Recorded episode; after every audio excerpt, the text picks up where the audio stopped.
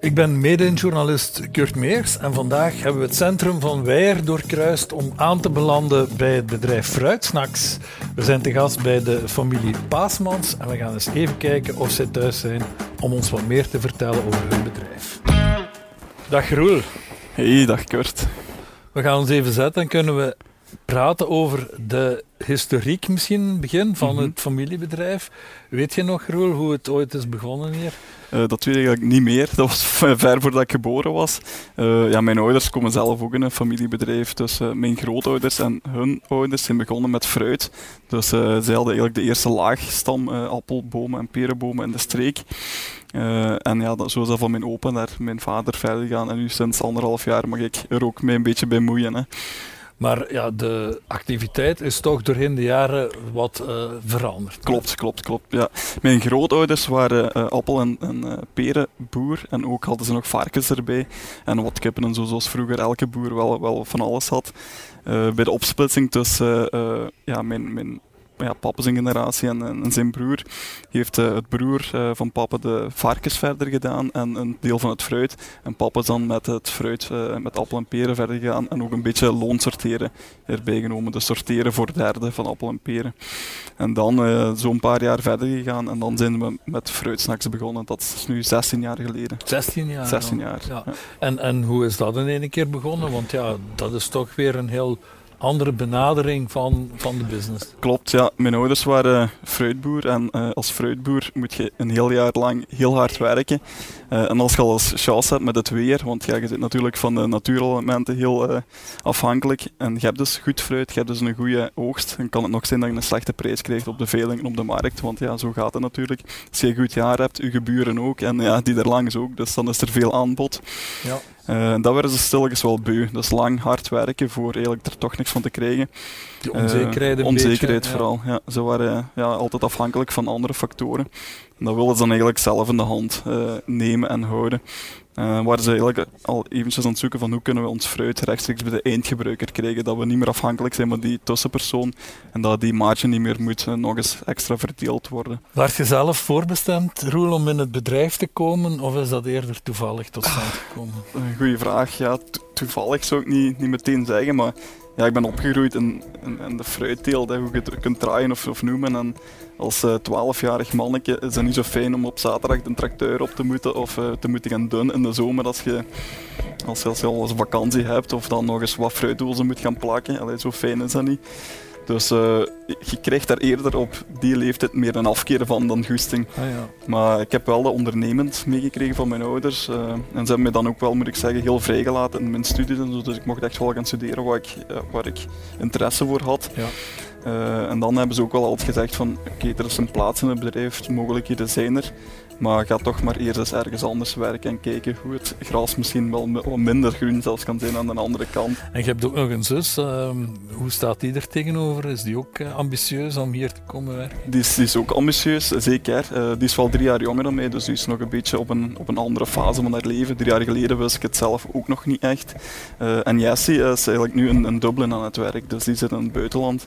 Die werkt daar sinds eh, anderhalf jaar nu, eh, digitale marketing. Eh, en daar ook dezelfde strategie zou ik bijna zeggen. Hè. Dus ja, het is een geweldige opportuniteit om daar te gaan leren van de grote jongens als het op dat vlak aankomt. Dus. Ik stel voor dat we misschien eens even de ronde gaan doen en dat jij ons eens kunt laten zien hoe het bedrijf hier zo wat super. functioneert. hè. Alright. We zitten hier in het administratieve hart, zeg maar. Eh, Ja. Is dat hier dat de bestellingen binnenkomen of wat Ja, gebeurt ja, hier hier allemaal? komen telefoons binnen en hier ja, zit iedereen die eh, administratieve taken heeft. Dus nu, door corona, hebben we maar twee mensen vandaag op kantoor. Maar normaal zijn we toch met een, met een tiental mensen die hier eh, administratie doen. Wat doen jullie hier? Eh, wat is jullie taak in het bedrijf? Eh, wij staan in voor de planning en de, en de coördinatie eigenlijk van alle klantengegevens. Dus alles wat abonnementen aangaat, wat eh, vernieuwing gaat van eventueel klanten, voor verlenging van, van abonnementjes. Dus zijn allemaal dingen die wij moeten bijhouden. Ja. Dus en, eh, en alles wat binnenkomt aan klantencontacten via telefoon en mail, moet dus ook zo snel mogelijk door ons behandeld worden. En wonen jullie hier ook in, eh, in het gebouw? Mijn ouders wonen hier langs. Waar we hier nu buiten gaan, is eigenlijk vroeger onze garage geweest. Dus Ah, ja. eh, ja, nu moeten we onze auto's buiten zetten. dus, nee, Ja. inderdaad, hier ben ik opgegroeid.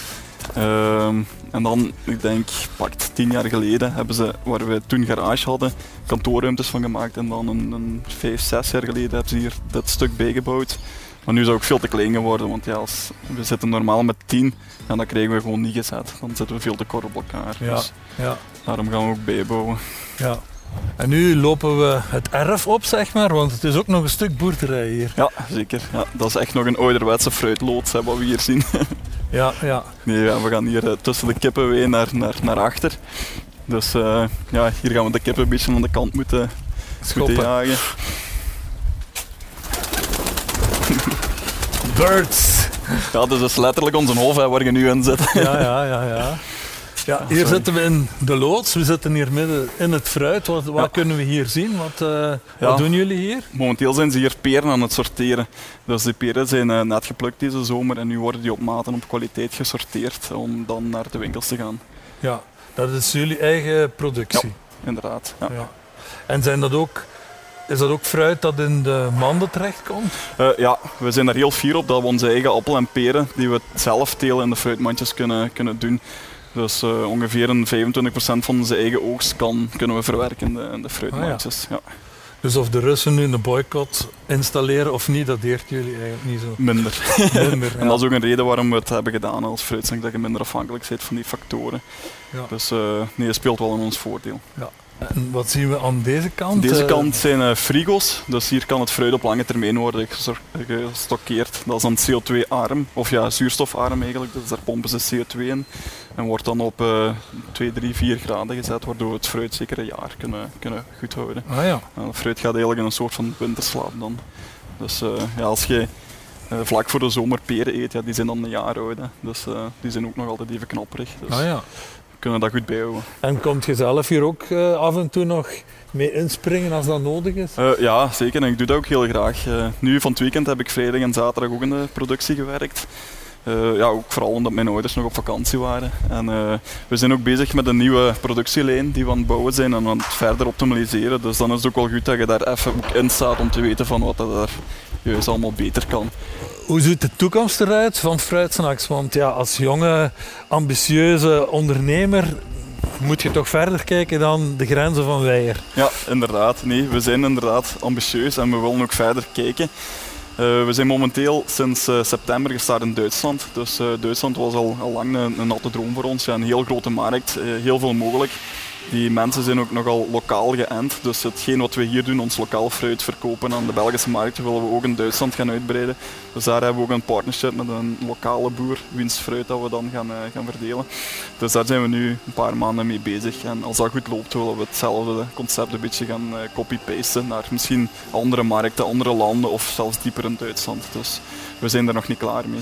Want hier in België is het concept wel heel populair geworden. Er zijn er verschillende andere spelers op de Ja, markt inderdaad. gekomen. Hoe Ja. kijkt je daar naartoe? Eh, ik vind concurrentie altijd eh, heel positief, want eh, ja, dat houdt je scherp. En dat, dat is ook altijd goed voor de consumenten. Lagere prijzen en, en betere kwaliteit. Dus, maar dat is teken dat er plaats genoeg is op de markt. Dus dat is zeker, dat is zeker niks negatief. We komen hier ook voorbij een bouwput met een voet die hier gestort Ja, is. wat mogen we daar verwachten? Ehm, hier gaan ze binnenkort een windmolen zetten. Dus ook daar, ja. Wij zijn, ja, we gaan er nogal pra praten op dat we heel, heel duurzaam zijn. En eh, ja, de, de daken liggen al vol zonnepanelen. En in de winter brengen die zo, niet zoveel op. En ja, ik heb gezien welke frigo's dat we hebben staan, dus eh, die verbruiken nogal wat. Dus we hebben ook een, een windmolen goedgekeurd gekregen dat we dan eigenlijk in de winter ook wel, wel groene stroom gaan kunnen gebruiken altijd. Misschien nog eens vragen. Ik weet dat jullie ook een sociaal geëngageerd bedrijf zijn, dat ook heel wat initiatieven neemt naar kansengroepen en zo. Inderdaad. Nee, bijvoorbeeld het fruit wat wij niet kunnen gebruiken voor, eh, voor de fruitmandjes, wat kwalitatief niet, niet ja, super is, dat geven we aan de voedselbanken. Het fruit wat nog een beetje slechter is, dat geven we aan de natuurhulpcentrum, dus voor, de- voor de beestjes. Eh, voor de rest proberen we ook eh, ons te engageren voor flexishoppers eh, aan te werven om, om uit te rijden. Dus eh, ja, da- daar zijn we ook wel, wel goed mee bezig. En er is ook dat initiatief eh, van de van de kinderen die hier hun eigen Ah, ja, boompjes hebben. Inderdaad. Ja, we zijn daarnet doorgekomen. Dat zijn eigenlijk wensboompjes. boompjes. Dus we hebben een samenwerking met Make-A-Wish. Dat hier eh, ja, kindjes die ja, een wens vervuld krijgen, eh, krijgen hier dan ook een, een boompje. Dan kunnen die het heel jaar komen kijken naar ja, hoe een boompje het maakt. En eh, september of oktober kunnen ze dan komen plukken. Dus er zijn toch wel ja, een vijftiental kindjes geweest deze zomer die met een paar kilo's fruit naar huis gegaan. Ja. En geweldig plezant was. Misschien ook nog even eens vertellen. Een nevenactiviteit, als ik dat zo mag noemen, is het logofruit. Ja, ja, ja, ja, inderdaad. Eh, ja, wij printen eetbare pasta op eh, appelen. ehm, waardoor je eigenlijk een, een soort van marketingproduct krijgt. Bijvoorbeeld als je eh, als bedrijf op een beurs staat, in plaats van nog eens een goodiebag mee te geven aan die mensen die het niet meer kunnen dragen, geven wij eigenlijk een gezonde marketing snack mee. Dus een appel waar hun logo of een QR-code of zo op staat. Waardoor eh, ja, die wordt meegenomen naar huis en ze laten die aan iedereen zien, want ze hebben het dan nog nooit gezien. Waardoor dat ja, meer marketingproduct dan appel wordt. Waardoor die appel weer wat meer meerwaarde krijgt. En dat we die ja, beter kunnen verkopen dan dat we die bijvoorbeeld aan de veiling moeten gaan, gaan afgeven. Dus eh, Dat is ook zo'n voorbeeld van een, een innovatie die jullie ergens hebben opgepikt. ja, en dan, inderdaad. inderdaad ja. Hoe is het eh, om in een landelijke gemeente als Nieuwerkerke te wonen en te werken? Vind je dat een voordeel? Ehm, ik heb daar nog niet, eigenlijk, nog niet veel over nagedacht. Voor mij is dat een evidentie. Ik ben hier opgegroeid. Ik ken eigenlijk weinig anders. Ik heb nu wel in, in Antwerpen en, en in Londen gewoond. Maar ja, er is toch niks zo fijn als, eh, als landelijk eh, op je gemak gewoon buiten even het uurtje te gaan wandelen. Het is toch niks zo fijn als dat. Brengt ook rust. Hè. En eh, we merken ook nu tegenwoordig nieuwe medewerkers. Die willen al gauw wat, wat rustiger, een rustigere omgeving werken en niet meer die files naar Brussel of naar Antwerpen doen. Dus dat, dat merken we toch dat dat ook wel belangrijk wordt voor jonge mannen bijvoorbeeld, die dan een schoolkort in de buurt hebben. Dus eh, nu, dat is, ik vind dat een pluspunt voor ons. Het past ook bij het bedrijf waar we zitten. Hè. We komen hier aan een waterbak met allemaal peren in. Ja. Wat zien we hier? Eh, hier worden de peren gewassen en eh, gaan zo eigenlijk op de sorteerbanden. Dus en dan daardoor het systeem worden die via eh, lasers eh, bekeken hoe, ja, wat de diameter juist is van de, van de peer, eigenlijk de omtrek.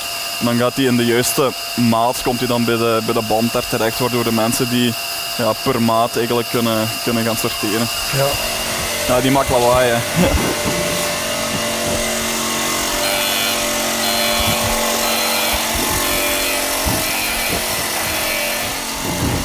En het oog wil ook wat. Hè. Dat is mooi gepresenteerd allemaal zo. Ja, ja, dat is heel belangrijk, voor, eh, zeker voor die winkels. Hè. Die gaan rechtstreeks zo de winkel in. Dan zijn we ongeveer Alright. rond, Super, denk ik. mooi. Eh, dan rest mij alleen nog u van harte te bedanken voor de deskundige uitleg. Ik vond het super interessant. Heel Blij dat ik eh, jou en het bedrijf eh, zo heb leren kennen. En daarmee besluiten we ook onze reeks van de podcasts over familiebedrijven. En wil ik, wil ik ook al onze luisteraars bedanken. En tot een volgende keer.